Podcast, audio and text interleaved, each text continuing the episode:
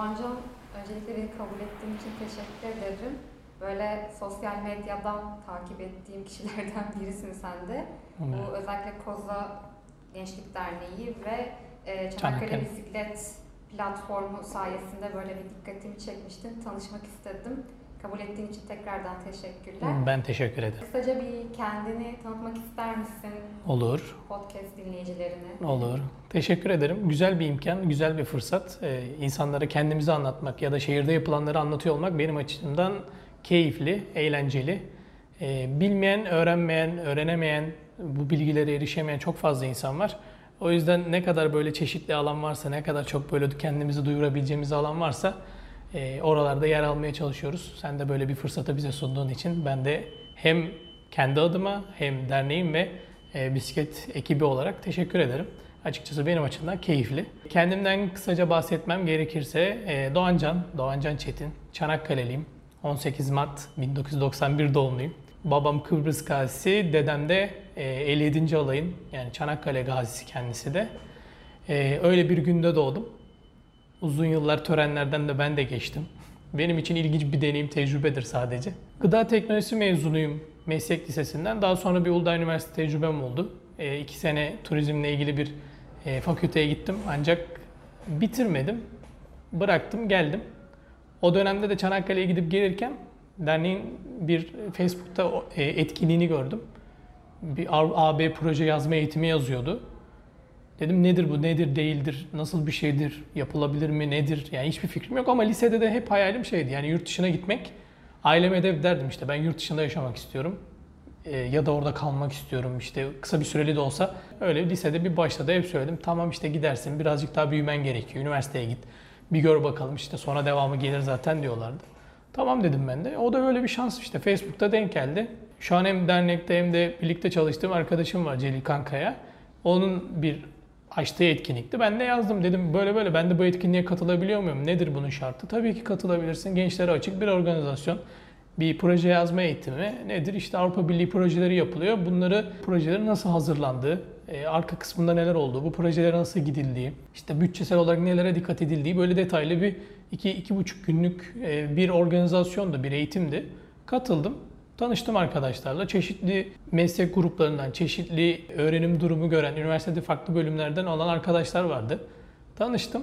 O tam derneğin böyle yeni kurulma, kurulmuş, böyle tam böyle arafta olduğu dönemler aslında. Sonra beni eğitime dahil ettiler. Ben onlarla tanıştım. Sonra tabii ki tek Celil'le kalmadı. Diğer arkadaşlarla da aynı şekilde. Sonra bizim derneğin yeri yaklaşık 2010 yılından beri Yalan'ın ikinci katında. Burada bir parantez böyle derneği birazcık anlatmak ister misin? Hiç duymama. Tabii ki.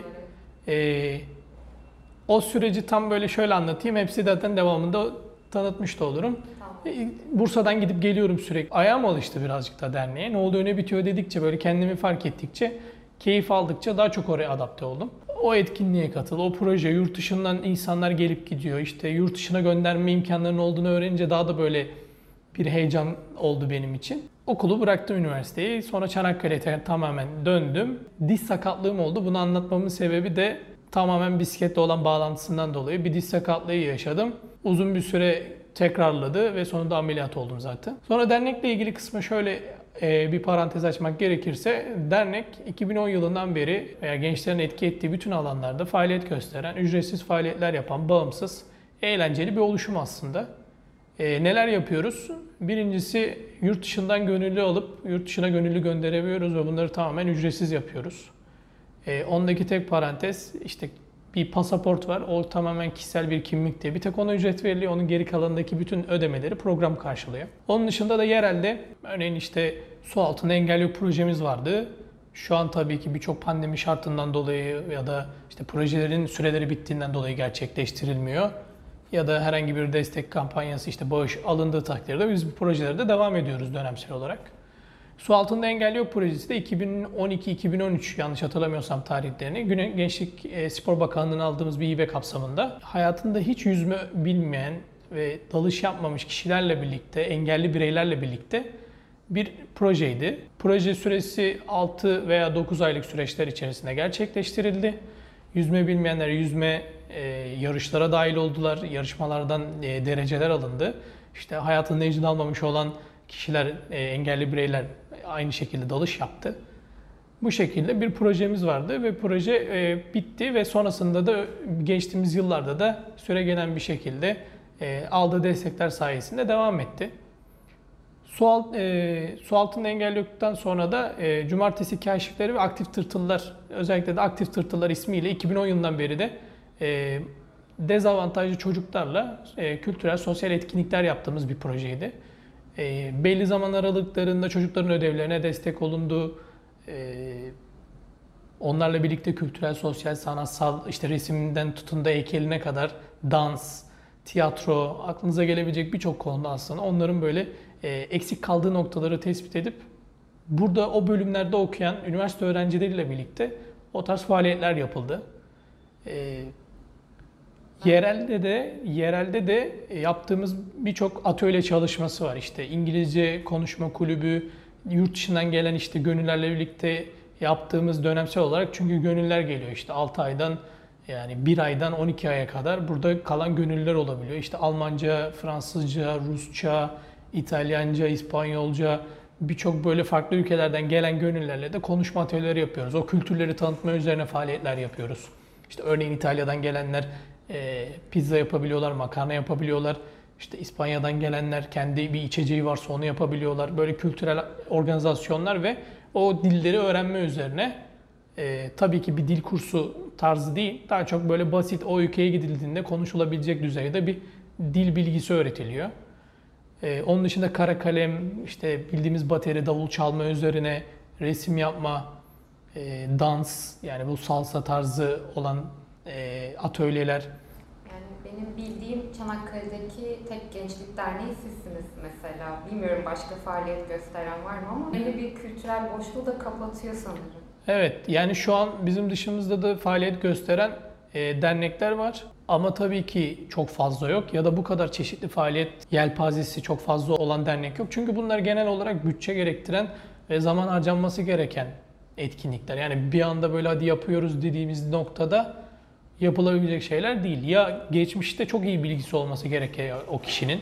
Gençlik çalışmalarında yer almış, gençlik çalışanı olarak ciddi derneklerde faal olmuş kişiler olursa okey gene de olma ihtimali var ama hepsi bütçe, zaman, emek gerektiren şeyler. Çok kolay olmuyor. Bunun dışında kadınlarla ilgili, kadınların haklarının öğrenmesi, kadınlarla ilgili çalışmalar da var. KİEP dediğimiz bir proje var. O proje adı altında da e, işte flör şiddetinden tutun da diğer alınabilecek bütün haklarla ilgili, bütün öğrenilmesi gereken kadın haklarıyla ya da insan haklarıyla ilgili bir organizasyon, bir projemiz de var. Bu da gene dönemsel olarak sadece genç kadınlara, üniversitedeki öğrencilere açılıyor. Ve o proje içerisinde çeşitli eğitimler oluyorlar. Ve bunlar sertifikalı bir şekilde. Özellikle de şehir dışından gelen profesörler olur, diğer öğretim görevlileri olur. Gelip burada bu konu hakkında eğitim veriyorlar. Özellikle de sosyoloji bölümünde okuyan gençler için normalde ulaşamayacakları eğitimlere ulaşmış oluyorlar. E, o eğitimlere sadece kadınlar değil erkekler de dahil oluyor. Ama proje içerisinde sadece kadınlara açık bir şekilde gerçekleştiriyorlar. Bazen tek günlük bir eğlence, bir parti olabiliyor. İşte belli dönemlerde kampa gidiyoruz. Belli dönemlerde bisiklet turu işte bizim diğer bisiklet ekibiyle organizasyon oluyor. Ben şeyi merak ettim burada. Yalıhan'la mesela ilişkiniz nasıl?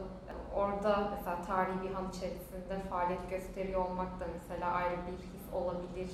Evet. Ben orada senin böyle hislerini merak ettim açıkçası. Han çok sembolik bir yer. Özellikle mor salkımın açtığı zamanki hali herkesin bence görmesi gereken bir hal. Çünkü orası benim için keyifli ve benim her zaman söylüyorum benim ben olduğum nokta aslında orası. Çünkü 2010 yılından beri oradayız.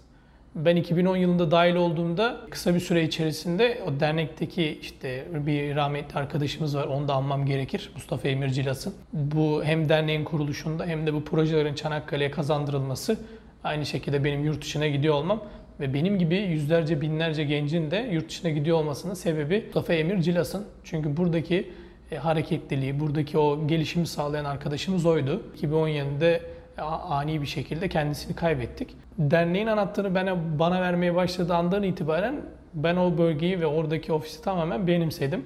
Çünkü oraya her sabah gidiyor olmak dünyanın en güzel şeyi. Mor salkım her zaman olmasa da O dönem özellikle çok keyifli. İşte sabahleyin sessizdir, kimse yoktur.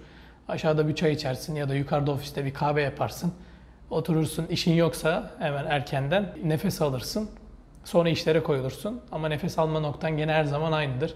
O sarmaşığın üstten bakmak da ayrıdır, alttan bakmak da ayrıdır. Çoğu kişi üst tarafı bilmez. Bununla ilgili de farklı böyle yorumlar var. Ne oluyor yukarıda ya falan diyen çok insan var. Birkaç tane yorumda okudum onu da. Özellikle bu çok yani bilen çok bir, bir o kadar da bilmeyen insanlar var. Yani birkaç tane böyle Instagram'da hesapta denk geldim. Google'da işte yorumlara yazmışlar ya alt kat tamam iyi de üst katta neler oluyor? Üst katta yani Çanakkale'nin ilk açılan barlarından bir alanı var. Aynı şekilde biz orayı toplantı, sunum, eğitim birçok alan için kullanıyoruz genelde. Üst tarafta her yerde ofisler var. Kullandığımız alanlar var. Atölyeler için gene kullandığımız alanlar var. Üst kat genel olarak böyle. Yani çok da hali zaten yatılacak odalar yani ham Yalnız bilmiyorsam alt taraftaki alanlar ahır, atların yani çok dinlenme ve yemek için kullandığı alan ve kişilerin gene insanların gene kullandığı yemek alanı ve üst taraflarda da konaklama alanları. Ha, önemli bir sosyalleşme yeri benim için mesela sen de. Birçok insan için öyledir açıkçası ya. Yani tamam Çanakkale'de birçok mekan var, birçok yer var, oturulabilecek çok güzel alanlar var. Ama Han herkeste her zaman böyle bir farklı bir nokta. Yani bu geçmişten gelen, benden kat kat büyük insanlarda da aynı. Çünkü insanlar ilk sosyalleştiği alan, ilk keşfettiği alan, ilk böyle açıldığı alan orası. E, o yüzden bulunduğu alan ve konum itibariyle de çok keyifli. E, hiç gitmemiş olanlar vardır elbette ama bence gitmesi gerekiyor. Yukarıda bizim işte ofislerimiz var. E, genel olarak gelen insanları bilgilendirmeyi genelde o ofislerde yapıyoruz. Bisiklet yolculuğundan bahsetmek ister misin? Olur. 2010 yılından beri başlayan serüvenim bir gençlik çalışanıyız aslında. Yani şu anda da yaptığımız bir gençlik bilgilendirmesi. Çünkü var olan projeleri, programları, çalışmaları diğer genç akranlarıma aktarıyorum ki bu bir gençlik bilgilendirmesi oluyor. 2010 yılından beri de ben bu tarz çalışmaları yapıyorum. Ee, Birçok üniversiteye, birçok e, liseye, özellikle Çanakkale'deki bütün liseler bu konularda bilgilendirme çalışmaları gerçekleştirdim. Sonraki süreçte o dediğim diz sakatlığında yaşadığım problem sonra beni ameliyat kısmına getirdi. Doktorun söylediği dedi ki yani ya yüzmen gerekiyor ya bisiklete binmen gerekiyor. Kas yapısının güçlenmesi, yan bağlarım kopmuş. Ya dedim bu şehirde deniz var. Bence bisiklet için de uygun. Bir de küçüklük sevgisidir bizde, aşkıdır. Bisiklete biniyor olmak. Sokak sokak gezerdik Çanakkale'de. Dedim ikisini de yapabilirim sonuçta. Hani bisikletle denize gitmek benim için daha makul bir tercih sonuçta. Yani direkt yüzerim demek çok abes kaçar. Dedim bisiklet alayım. Facebook'ta işte interrail tarzı grupların bisikletle ilgili ya da diğer bisikletle ilgili Facebook gruplarına yazdım. Ya dedim benim bütçem bu, ben bununla ilgili ne yapabilirim? Bir arkadaş döndü. Onu da buradan alayım. Ata- Atalay Çelik. O da üniversite öğrencisiymiş burada. Yazdı sağ olsun inanılmaz detaylı bir şekilde bana yardımcı olmuştu o dönemde. Benim de hayalim var bisiklette böyle bir uzun tur yapmak gibi bir düşüncem var. Bir yerlere gitmek, şehir dışına çıkıyor olmak, Çanakkale'yi o şekilde keşfediyor olmak gibi böyle bir düşüncem vardı. O da bisiklet bana önerdi. Aldık. Sonra işte konuşmaya devam ettik. Dedim o sen nerede okuyorsun? Dedi işte Çanakkale 18 Mart Üniversitesi'nde okuyorum. İşte şöyleyim şu an dedi tatildeyim. Ha dedim gelince görüşürüz falan. Sonra konu konuyu açıyor. Dedi işte trafikte araç sürücülere inanılmaz saygısız. İşte üzerimize sürüyorlar, sıkıştırıyorlar. Kapı açma problemleri var. İşte şehirde bisiklet yolları ile ilgili ciddi sıkıntılar var. Organizasyon ve etkinlik anlamında problem yaşıyoruz vesaire vesaire. Konu geldikçe geliyor. Ee, bir gençlik çalışanı olarak yapılması gereken şey bu konuda bir sivil örgütlenme ve ses getirme oluyor genelde. Ben de dedim yani 2000 6 senelik bir süreçti benim için. 2010 yılından 2016 yılına kadar. Piştiğimi düşündüm. İşte o 2012-2013 arasında bir Romanya serüvenim var. Bir sene orada yaşadım bu projeler kapsamında. Sonra döndüğümde inanılmaz derecede işte projeler, etkinlikler, organizasyonlar, çok fazla proje yazıldı, çok fazla yurt dışından gönüllü buraya alındı. Burada ciddi organizasyonlar oldu vesaire. Kendimi piştiğimi düşündüğüm için böyle bir organizasyona dahil olmak istedim. Sonra dedik ki ne yapalım ne yapalım dedim bir örgüt oluşturalım. Bir de şehirde onlar bisikleti benden daha iyi bildikleri için ben dedim ben gençlik alanını biliyorum, dernek yapılarını biliyorum ama bisiklet konusunda çok bilgim yok. Sürerim. Sıkıntı yok benim için. Ama geri kalanın kimlerle konuşmamız gerekir, kimlere gitmemiz gerekir bu tamamen sizi ilgilendiriyor bisiklet konusunda. O da dedik sen o dernek kısmı ve organizasyon kısımlarına ilgilen, sosyal medya kısmı ile ilgilen. Biz de bisiklet konusuna e, yoğunlaşırız. Sonra beni birileriyle daha tanıştırdılar. Biz dedik ki bir yapı oluşturalım. Çanakkale içerisindeki bütün bisikletçilere de gidelim, bisiklet gruplarını toplayalım, bir arada olalım, tek ses olalım. Nasıl yaparız, ne koyarız falan. Dedik ki adını işte platform, üst yapı olarak koyulabilecek en iyi isim oydu. Dedik Çanakkale Bisiklet Platformu diyelim adına. İşte Çabip kısaltması ki bizi Çabip olarak bilen insan çok fazla. Bayağı popüler aslında. İsim olarak kısaltma Çabip daha böyle popüleri yürüyor. Çanakkale Bisiklet Platformu da arkasından geliyor genelde. Çanakkale Bisiklet Platformu'nu oluşturduk. Bütün grupları davet ettik. Toplandık. Hep birlikte e, kritikler yaptık. Tabii ki bundan memnun olan, memnun olmayanlar olarak gene bölündük. Ama Çabip tek başına bireysel bir grup haline geldi ve büyüyerek devam etti. Tabii ki bunda isteklilik de çok önemliydi. Diğer birkaç arkadaş daha dahil oldu işin içine. Başkası geldi, o geldi, bu geldi derken şu anki yürüyen bir sistem aslında oluşturulmuş oldu. Ben diz sakatlığımı tamamen unuttum. Tamamen iyileşti. İnanılmaz yol kat ediyoruz. İşte hafta sonu çıkıyoruz. Bir 100 kilometre yapıyoruz. 150 kilometre yapıyoruz. Perşembe akşamları sürüyoruz. Ben İşte pazar turlarımız oluyor aynı şekilde. Pazar günü bir gezi olduğunda Anzak turu. Anzak turu var. Ben de eğer şey yapabilirsem geleceğim mesela ayarlayabilirsem. Tamam. Bir katlanır bisikletim var bilmiyorum o tura uygun oluyor mu ama. Yani şöyle, onda da şöyle bilgi vermek gerekir. Bizim önceliğimiz her bisikletle her tura katılabilir. Ancak gidilen yol itibariyle kişi problem yaşadığı takdirde tüm grup olarak problem yaşıyoruz. Yoksa her bisikletle herkes her yere gelebiliyor. Bunu deneyimledik ve gördük de. Ama birincisi bisikletin aksamı anlamında iyi gidiyorsa zaten keyif veriyor. Bir kaskın oluyor olması önemli. Bunu zorunlu olarak tutuyoruz. Ee, çünkü önemli olan kısım o. Yani risk oluşturulabiliyor. Düştüğü anda kafanı vurduğundaki oluşabilecek hasar, zarar çok daha fazla. Kol kırılır, düzelir, ayak kırılır, düzelir ama kafadan gelebilecek bir zarar çok düzelmiyor. Bunu da görüyoruz. Sürekli ciddi bir bisikletli ölümü söz konusu Türkiye'de. Durduramıyoruz. Farkındalığı yaratmaya çalışıyoruz ama hala problem yaşıyoruz. E, Bununla ilgili yeni yeni oluşumlar oluyor. Umarım çok daha iyiye gider. Biz ne kadar faaliyet yaparsak o kadar ses getireceğiz. Aylık takvim hazırlıyoruz genel olarak. Aylık takvimlerde de nerelere gidileceği, hangi tarihlerde gidileceğini yazıyoruz. Şu an pandemi şartlarında olduğundan dolayı perşembe turları yok. Ama akşam turları da perşembe e, büyük bir ihtimal bir iki hafta içerisindeki köylerdeki e, dinlenebilecek alanlara göre biz de ona göre şekillendirme yapacağız. Pazar turları birazcık daha böyle bir tık daha uzun oluyor. Ama ondaki zaman aralığı daha fazla. Sabah işte erken çıkıyoruz. Hava sıcaklığını da göz önünde bulundurarak. Akşam böyle 5-6 gibi şehre dönmüş oluyoruz. Gittiğimiz yerlerde ya denize giriyoruz ya piknik ya mangal ya da işte görülebilecek bir tarihi nokta varsa onları görüyoruz. Köylerde zaman geçiriyoruz. Genel olarak amacımız şehri bisikletle tanımak, o rüzgarı hissediyor olmak ki bizde rüzgar ünlüdür. Evet. Rüzgarsız bir gün Burada genel işte ismi şey olduğu için Rüzgarlı Kent'in hafızası genelde sizin de değil mi? Neredeyse sanırım herkese bir sordum böyle sizin rüzgarla ilişkiniz nasıldır vesaire. Bayağı böyle güzel anlatılar da çıktı ortaya. Sen de bir şeyler söylemek ister misin? Çanakkale Şöyle. Bizim Çanakkale Bisiklet Platformu'nun normal sloganı Rüzgarın Demir Atlıları. Atın atın bir diğer tarafı demir olduğundan dolayı yani o şekilde bir bağlantısı var. Malum bu şehrin de 365 günü herhalde rüzgarlıdır. Yani bir iki gün oldu mu biz de şaşırıyoruz. Allah Allah ne- neden rüzgar yok diye. Yani rüzgarı sevmek, sevmemek yapabileceğimiz bir şey yok. Doğa, doğa harikası diyebiliriz ona. Arkadan vurduğu sürece tabii ki. Önden vurduğu sürece isyan Aynen. ettirir. Genelde kendine küfür ettirir. Ama gene de o yol biter. Tek başına çıkılan yolculuklarda, turlarda insanlar genelde sıkılır ama toplu sürüşlerde insanlar hep onu söylüyoruz. Yani sohbet ederken zaman geçiyor. Çok öyle insan oldu. Tura geldi ya ne zaman bitecek bu tur demedi. Aa ne zaman geldik oldu genelde insanlarda. Çünkü yanındaki insanla sohbet ediyorsun. Yeni tanışıyorsun ya da arkadaşınla görüyorsun fark etmez. Sohbet ederken 30 kilometrelik mesafe bir anda bitmiş oluyor. Ama böyle bireysel sürüşlerde insanlar sıkılıyor, gelmiyor. Ya da turlara çıkmıyorlar bireysel olarak. Bu şekilde bizim bisiklet organizasyonu faaliyetleri başladı. Biz ciddi anlamda çok fazla tur, çok fazla etkinlik, çok fazla kilometre toplu olarak kat, kat edildi. Çok ciddi anlamda toplam bir katılım söz konusu. Ya e, biz 2016'nın 17 Ekim'inde kurulduk. Hmm, Mayıs ayıydı yanlış hatırlamıyorsam 2017'nin bu şehitlere saygı sürüşü oluyor burada. Bütün Türkiye'nin her noktasından buraya geliyor insanlar. Ee, bizden önce burada bir organizasyon firması var. Onlar sahiplenmişler. Onlar devam ettiriyor. Biz de dedik ki biz de dahil olalım. Ee, bir tanesi de benim eski İngilizce öğretmenim ee, Ahmet Çelik ve Armağan Aydeğer. Onların da isimlerini verelim. Çünkü çok kıymetli organizasyon da şehir için. Şehrin ya diğer şehirlerden o kadar çok insan geldi ki biz bile beklemiyorduk o kadar insanın gelebileceğini.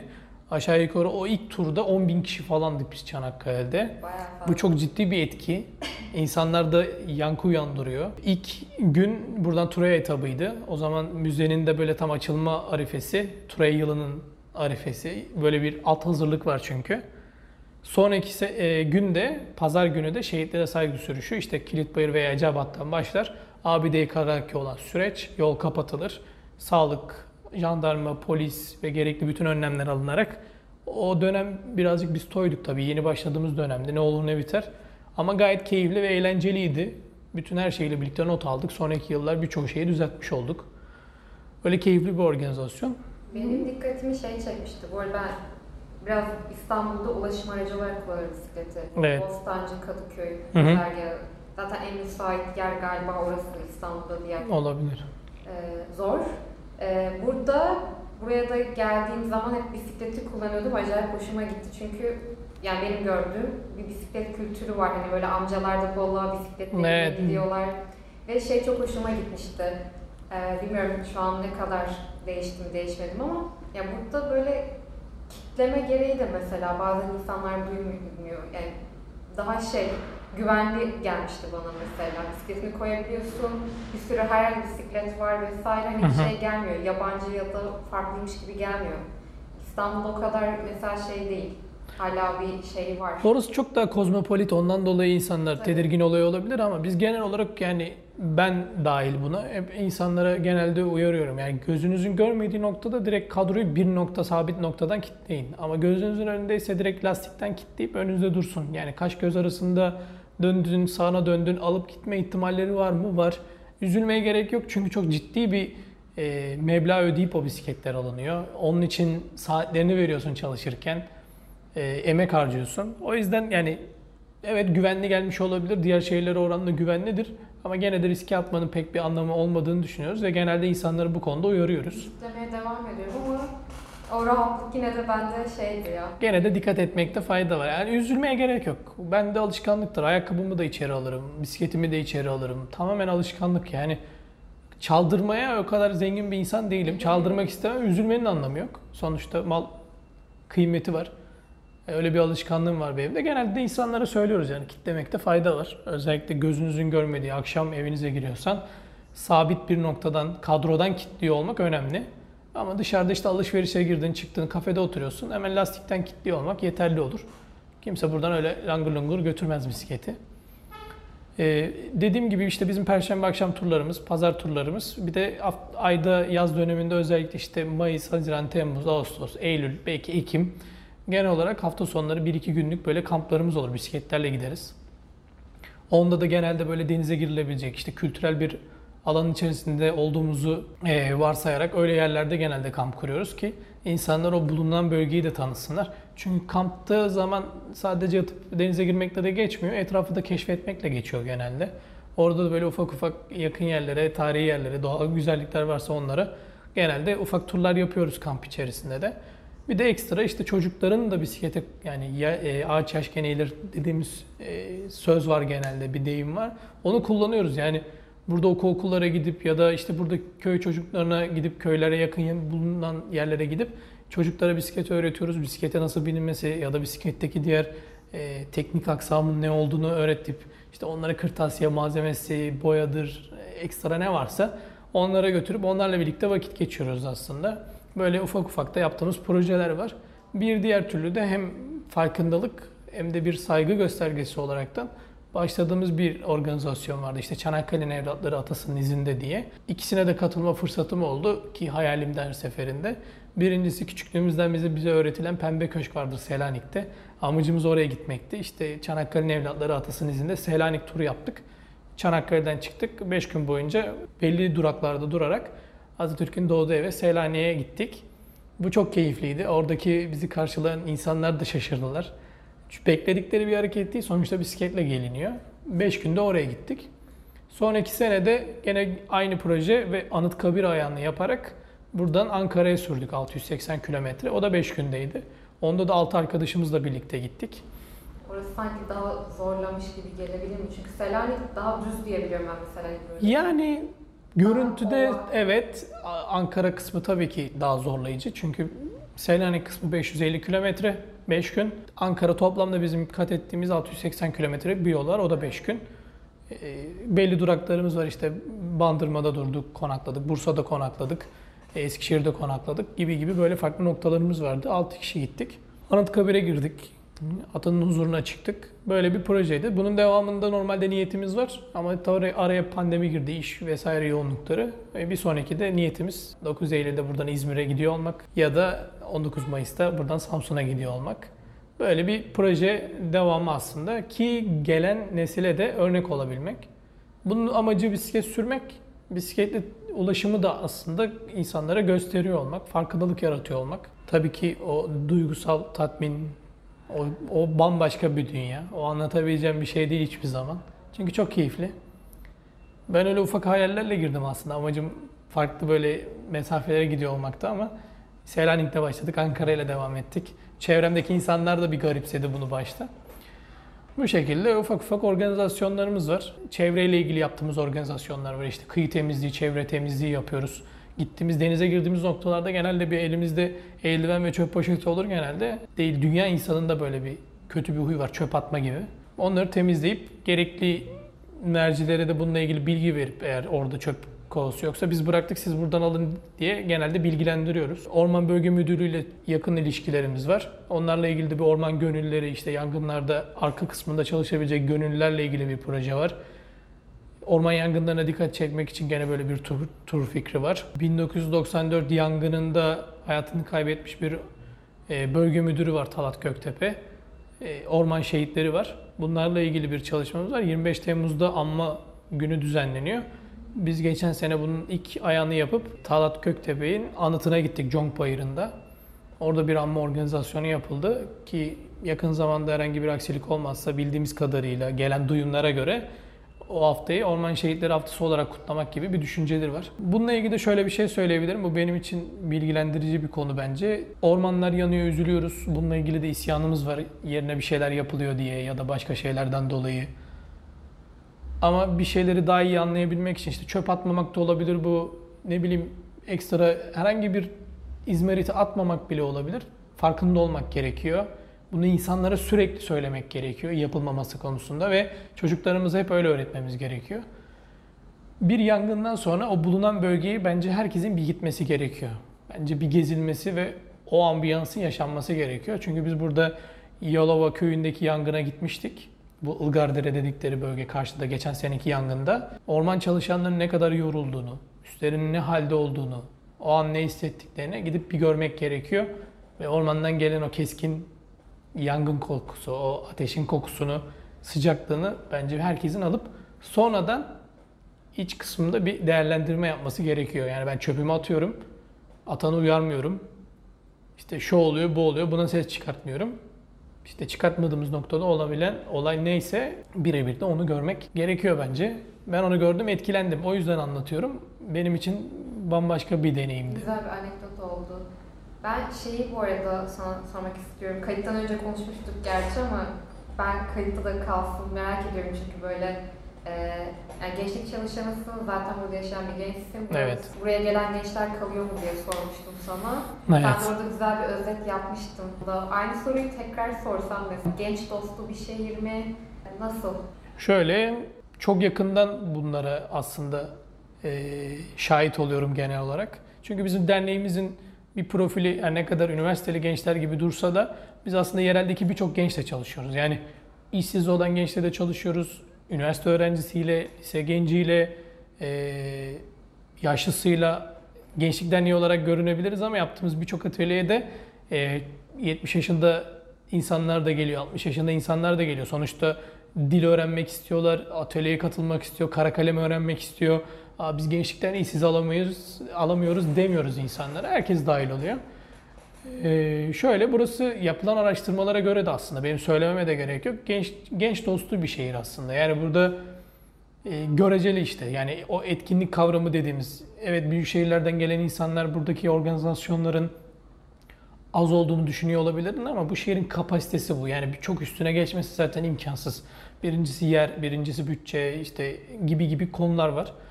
E, İstanbul'daki gibi her köşede bir tiyatro salonu buluyor olmak, tiyatro organizasyonu buluyor olmak, her akşam çılgınlar gibi işte büyük konserler bekliyor olmak doğru değil. Ama burada da yapılmıyor değil. Çünkü bu şehir bunu, bunu da gördü. Çok ciddi e, konserler, organizasyonlar, etkinlikler oluyor.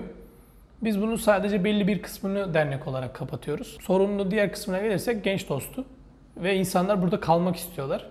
Ama bir diğer konu da burada istihdam. Yani bulunduğumuz an itibariyle şu anki ofiste de Çanakkale Belediyesi'nin ofisindesiniz. Kariyer ve İş Geliştirme Ofisi olarak geçiyor burası. Burası da e, işin özünde Çanakkale Koza Gençlik Derneği'nin 2015 yılında Güney Marmara Kalkınma Ajansı'na yazdığı bir proje kapsamında açılan bir ofis. 9 aylık projenin bitiminde e, ben ve dediğim diğer Celil arkadaşımız Çanakkale Belediyesi tarafından istihdam edildik burada. Proje başarılı bulundu ve projenin devam ediyor olmasından dolayı burası hala açık. Hem Çanakkale Kozya Gençlik Derneği hem Çanakkale Bisiklet Platformu'yla da işte faaliyetler yapıyoruz. Yani boş zamanımızı da onlarla değerlendirmiş oluyoruz. Hem de diğer gençlere de faydalı olsun diye çeşitli etkinlikler, projeler, turlar düzenlemiş oluyoruz. İstihdam Çanakkale'de maalesef sıkıntılı. Pandemi öncesinde zaten sıkıntılıydı. Pandemiyle birlikte çok daha kötü oldu. Gönül ister düzelsin ama şehrin bununla ilgili olan kapasitesi ve çalışma alanları belli. Bununla ilgili böyle şov yapmaya gerek yok. Şöyle çok iyi, böyle çok iyi demeye de gerek yok. Bu gerçek. Herkes biliyor bunu. Burada genel olarak işte bir garson, barista, işte servis alanlarında çalışılabilir bir satış danışma olarak çalışır. AVM'de ya da çarşı caddesinde dediğimiz noktada o alanlarda genel olarak insanlar çalışabiliyor ama tabii ki çalışma alanları var ama hepsi şehrin dışında ilçelerde oluyor genelde. E bunlara da çoğu kişi istemiyor. Birçok genç de buradan gitmek istemiyor. Hani bir şeyler yapayım. Ben duyuyorum yani ne mezunsun? İnanılmaz bölümlerden mezun oluyorlar. İşte dil bölümünden, mühendisliklerden, tıptan bile olanlar vardır da onlar tabii ki direkt doktor olarak gidiyorlar ama kendini burada ne yapsam diye düşünen o kadar çok insan var ki yani evet doktor olacak ama buradan gideceğim diye üzülen de çok insan var. Keşke gitmesem kalsam diyen de var. O dediğim mesela bölümlerden mezun olup burada garsonluk yapan da var. Küçümsemek değil ama mecburiyetten o orada çalış, çalışıyor. Yani ben diyorum ki ben bu şehirden gitmek istemiyorum. Buradan burada hayat var, burada keyif var. Mutluyum burada. E ama o işte mecbur kalıyor. O işlere yelteniyorlar. E, işini kurabilen varsa iş kurmaya çalışıyor. Ne kadar başarılı olursa şehirde. Ama belli bir noktada genç dostu diyebiliriz. Ama bence parantez açmak gerekir. Ev kiraları konusunda bence genç dostu değil. Türkiye'nin çoğu bölgesinde olduğu gibi. Genel olarak yani garip bir konu. Ben anlamıyorum. İnsanlarla bu konuyu çok tartışıyoruz. Bize özellikle şikayet ediyorlar. Ama diyorum yani o ev sahibi benim yapabileceğim bir konu değil. Bununla ilgili bir farkındalık yaratsak da bu işin en başında devletin bu konuda kesinlikle bir düzenleme gerekiyor. Yani bu biz yaptık, biz farkındalık yarattık imkansız bir konu. Bence çok ciddi anlamda bir düzenleme gerekiyor. Yani sadece öğrenci için değil, bütün herkes için bu geçerli. Ev sahipleri kafasına göre kiralarını arttırıyor. Ev fiyatları almış başını gidiyor Çanakkale'de. O konuda bence genç dostu değil. Ama diğer türlü burada eğlenmek, özgürlük, gezmek, dolaşmak, dışarıda geç saatlere kadar takılıyor olmak. Yani bir gencin talep ettiği konular aslında bunlar öncelikle. Tabii ki sonra onlar da geliyor. Barınma, yeme, ihtiyaç. Benim merak ettiğim son sorum sana şey aslında. Buradaki çocukluk anıların. Hani, e, sanırım konuştuğum en genç insanlardan biri sensin bu podcast serisinde. Yaşımı söylemedim. Ben biliyorum. Tamam sen de Senden kal. önceki kayıtlardan bir tanesinde Şahabettin Hoca ile konuşmuştum ben. Mesela o 1943 doğumlu. Saygılar Onun- duydum şu an. Onun Geçmişim. yaşadığı ve gördüğü Çanakkale elbette ki başka hani oradaki anılar başka ama ben özellikle hani 90'lar diyorum mesela. Doğru. Olunca Hani senin gözünden nasıl bir çocukluk geçti, unutamadığın mekanlar ya da anılar varsa böyle ufak da olsa dinlemek keyifli Okey. olabilir. Şehirler sürekli yaşıyor. Şehirler hareketli. İnsan vücudu gibi aslında. Sürekli bir değişim var. Yani kendini yenilemesi gerekiyor. İşte bu yol olabilir, bina olabilir, dış görüntü olabilir, e, kültürel yapılar olabilir, yapılan faaliyetler olabilir. Sürekli kendini yeniliyor sonuçta. Sabit durmuyor şehirler ki durmaması da gerekiyor. Benim için değişik olan, e, unutamadığım aslında. hafızamda ne canlanıyor? Şöyle işte 90'lar dediğimiz noktada biz açıkçası gençliğimizi yaşadık. Yani gençliğimiz derken çocukluğumuzu yaşadık. Biz sokakta büyüdük. Yani benim evimin önünde park vardı. Ben asla eve girmezdim kolay kolay. Ki biz ezan okununda, okunduğunda eve giren çocuklardık. Hoca okudu diye sopa yerdik genelde. Niye geç kalıyorsun denilen bir nesildik. Kötü bir şey değil bunu söylüyor olmak. Benim hayatımda en keyif aldığım zamanlardı. Şimdiki çocuklar aslında o çocukluğunu yaşamıyorlar. Yani ellerinde telefon, tablet, bilgisayar başındalar. Herhangi bir faaliyet, işte dışarı çıkayım da top oynayayım da şunu yapayım da diyebilecekleri bir ortamları maalesef yok. Şehirlerde böyle kapalı kaldılar. Çocukluğum hep genelde dışarıda geçti. Top oyna, oynarken geçti. Parkta geçti. Burada nerede oturuyordunuz peki? Ee, eski bulunduğumuz ev 60. yıl parkıydı. Şimdi Cevat Paşa Parkı oldu. Akol Atölye'nin dediğimiz arka kısmında. Esenler. Yok hemen Cevat Paşa Mahallesi'nin olduğu yerde. Bu Akol Otel, Truva Otel'in arkasındaki parkın olduğu yerde. Yanımızda kütüphane vardı. Tabii ki şimdi yıkıldı. Biz kütüphaneye kaçardık. Biz kütüphaneye giderdik. Kütüphanede vakit geçirirdik. Kitapların arasında kaybolurduk. İşte bisikletle Çanakkale'nin her yerini keşfederdik. Küçüklükten kalan oydu işte aşkımız. Kepez'e buradan kaçardık. O zaman şimdiki gibi değil yani. O aralar falan bomboştu. Ee, şu an her yer tabii ki ev oldu. Tarlalara kadar ev oldu. Oralara elma bahçeleri vardır. Elma bahçelerine kaçardık. Ama mesela eskiden bizim iskelemiz farklıydı. Şu anki o e, yanlış hatırlamıyorsam monolya ağacının yakınlarına olan bir kısımda köşede bir çeşme vardır. Ben 2008 yılında Dardanel'de gıda bölümünde mezun ol- okuduğum için orada Dardanel'de staj yapıyordum lise döneminde. Oradan her gün servise binerdim. Mesela tabii ki oradaki o artık o ambiyans yok, o eski çeşme yok. Onlar yıkıldı. Dümdüz bir iskele meydanı var. Benim için mesela hala da hatıralardadır o iskele meydanının eski halleri. Tabii ki Çanakkale değişiyor. Yani otogarın olduğu yer değişti. Her yer değişiyor sürekli.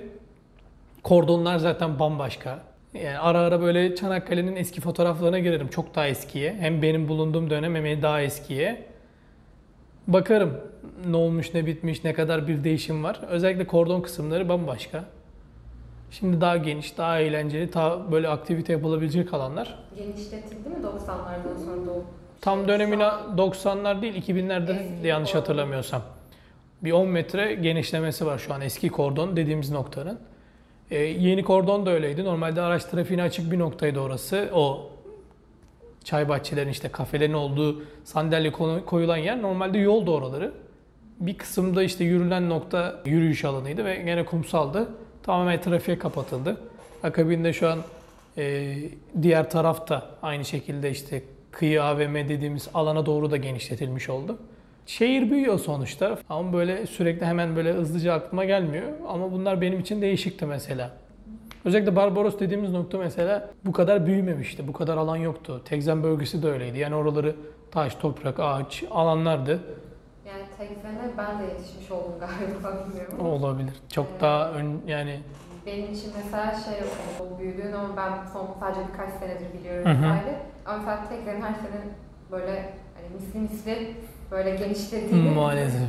Ya şehire bu konuda işte göç var. Talep var.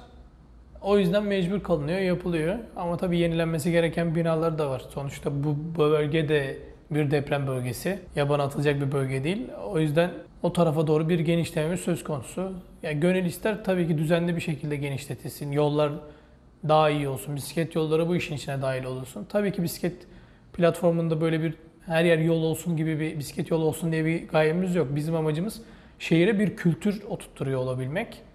E, insanlar farkında olduğu sürece biz araçlarla zaten aynı sorumlulukta hareket eden bir yapıdayız. Ayrı değiliz. O kültürün var olduğunu düşünüyor musun sen peki? Bu sana az önce bahsederken demiştim yani böyle bazı işte yaşlı amcalar da balık tutmak için bisikletleriyle gidiyorlar. Hı hı. Eski kırmızı model bisiklet. Pisanlar. Evet, ben burada çok görüyorum. Hoşuma da Hı hı. gidiyor. Yani zamanda işte mesela kent müzesinde bir bisiklet var. Eski bir Rum Evet. vatandaşın zaten ailesi Doğrudur, hı hı. vesaire. Hani ben öyle düşünmüştüm mesela. Yine nispeten bir bisiklet aşinalığı var gibi ama sanırım çok da Ee, o, onunla ilgili şöyle örneği verdin Kent Müzesi'nden. Kent Müzesi ile de ortak bir çalışma Çağlar var orada da. Ee, Çağlar bizim de hem gönüllümüz hem dernekten hem de bisiklet platformundan. Orada bir sergi yaptık. Çanakkale'nin bisikletle ilgili olan arka kısmına doğru birazcık daha yol almış olduk. Eski bisiklet binenler, tamircileri bunlarla ilgili aslında bilgiler var web sitesinde de yükledik. Oradan yine bisiklet platformunun web sitesinden de inceleyebilirler. Ee, bisiklet kültürü var mı? Hiç yok değil. Yüzde yüz de değil. Ama dediğin gibi hani burada herkes spor için, hobi için, ulaşım için burada bisikleti kullanıyor. Biz var olduğumuzdan beri çok daha farkında olduğunu insanların ben düşünüyorum. Bunu bir ego tatmini olarak da görebilirler. Farklı türlü de yorumlayabilir insanlar ama bunu ben değil genelde insanlardan dönüt olarak ben insanlara soruyorum. Çünkü şehirde birincisi yaptığımız çalışmalardan, etkinliklerden faal oluyor olmamızdan dolayı insanlar bizi çok daha iyi biliyor. Ben ve diğer arkadaşları. Öyle olunca tabii ki şehirden de böyle dönütler oluyoruz. Ya işte siz de çok iyi iş yapıyorsunuz. Aslında biz iyi iş yapmıyoruz. Daha iyi yapmamız gerekiyor ki insanlara bu kültürü oturtturabilirim. Evet biz farkındalık yarattık. İnsanlar farkına vardılar. Bizim çevremiz farkına vardılar. Bir kişiye bile etki ediyor olmak aslında devamında geliyor. Bisiklet binmeyen insanlar bisiklet binmeye başladı. Bisiklet olmayan insanlar da bisiklet almaya başladı. Bu çok ciddi bir ambiyans haline geldi. Yani illa tura gelmesine gerek yok insan. Bu şehirde bisiklet binen insanlar beni mutlu ediyor. Sabahleyin çünkü işine gidenler, okuluna gidenler, gezenler, ailesiyle, çocuğuyla özellikle bunu son zamanda yeni kordonda otururken çok daha görüyorum. İnsanlar aileleriyle birlikte bisiklet turuna çıkıyorlar. Çok uzun sürmelerine gerek yok ama bir şeyler yapıyorlar bununla ilgili. Pandemi de buna büyük bir etken. Yapılan çalışmalarla birlikte şehrin yapısıyla ilgili bisiklet kültürünü yani bana göre tam oturmuş değil. Oturması gereken ve yol alınması gereken çok fazla konu var. Bunlarla ilgili de inanılmaz çalışmalarımız var. Planlıyoruz. Tabii ki kamuyla çalışırken bürokrasiden dolayı problemler yaşıyoruz. Bizim bir yasal statümüz yok. E, bununla ilgili bazen problemler olabiliyor. Bütçe her şeyden önce önemli. Tabii ki gönüllerimiz bu konuda asla yalnız bırakmıyorlar. Kimseye duyurmuyoruz. Bireysel olarak herkes gelip böyle bir şey varsa biz de yardımcı olalım işte bağış verelim 10, 20 aklına gelebilecek her konuda birileri destek çıkıyor. Biz de onu alınacak ufak bir şey bile harcadığımızda cebimizden para çıkmamış oluyor. Çünkü bir bütçe yok yani. Bir yerden aldığımız bir bütçemiz, bir bağışımız yok. Öyle gönüllerden e, ve veren olursa biz de bütçemize, kasamıza koyup işliyoruz. O şekilde sonra kullanmaya çalışıyoruz. Gönül istiyor bu şehirde ciddi anlamda bir bisiklet kültürü oluşsun. Bu şehir arabaya uygun değil. Özellikle merkez kısmı. Yani ben bisikletle buradan eve 7 dakikada gidiyorken bazen araçta ofisten eve yarım saatten aşağı gidemiyorum. Çok yollar zaten Şehir yani dar. Han tarafının olduğu yollar Evet. çok yani zor da yani o şey. Maalesef. Yani o öyle bir sıkıntımız var ama insanlar da inatla da hala da araç kullanmaya devam ediyorlar. Ya tabii ki hasta olabilirsin, fiziki bir problemin olabilir, e, bisiklet binemiyor olabilirsin. Ama şöyle var, herkes mi öyle? Yani bisiklet binebilen özellikle genç yaştaki insanların bence acilen arabalardan inip bisiklete binmesi gerekiyor. Sağlık açısından da önemli, fiziki şartlar açısından da önemli. Rahatlık, özgürlük, o sağlık açısından her şeyden bence önemli. Ee, bununla ilgili insanlar genelde soruları oluyor. İşte nasıl bisiklet alırım, ne yaparım, nereden alırım, e, turlara gelebilir miyim, gelemez miyim, ne olur ne biter. Bunlarla ilgili işte dinleyecek insanlara söyleyeyim. Varsa çevrenizde binmek isteyen de gene aynı şekilde onlar da bilsinler. Bize mesaj atan biz herkese geri dönüş yapıyoruz. Yani diyoruz böyle böyle işte şunu yapabilirsin, böyle alabilirsin. Bunlarla ilgili web sitemizde hazırladığımız yazı metinleri var. Yetmiyorsa eğer birebir de sohbet ediyoruz. Yetmiyorsa tura gelen insanlarla gene yüz yüze görüşüyoruz. İşte sokakta yolda yürürken atıyorum bisikleti tam böyle kilidini çözerken yanıma geliyor. Ya kardeşim işte şöyle miydi, böyle miydi, işte ne yapacağız, ne edeceğiz, nereden alırız falan diyen insanlara da gene aynı şekilde dönüş yapıyoruz. Kimse cevapsız kalmıyor açıkçası. Yeter ki insanlar bisiklet binmek istesin. Yani herkesin gayesi tamamen bu. Tabii ki aracı olsun insanlar. O bir benim için değil ama şehir merkezinde gün içerisindeki hareketliğini insanlar bisikletle sağlarsa emin olsunlar çok daha mutlu olacaklar. Bayağı güzel bir sosyal mesajla kapattık. Kesinlikle. Ee, Ben çok teşekkür ediyorum. Ben teşekkür ederim. Sohbet için çok keyifli oldu. Ağırladığın için ayrıca çok sağ ol. Her zaman. Ee, O zaman yani yollarda görüşmek dileğiyle. Görüşürüz.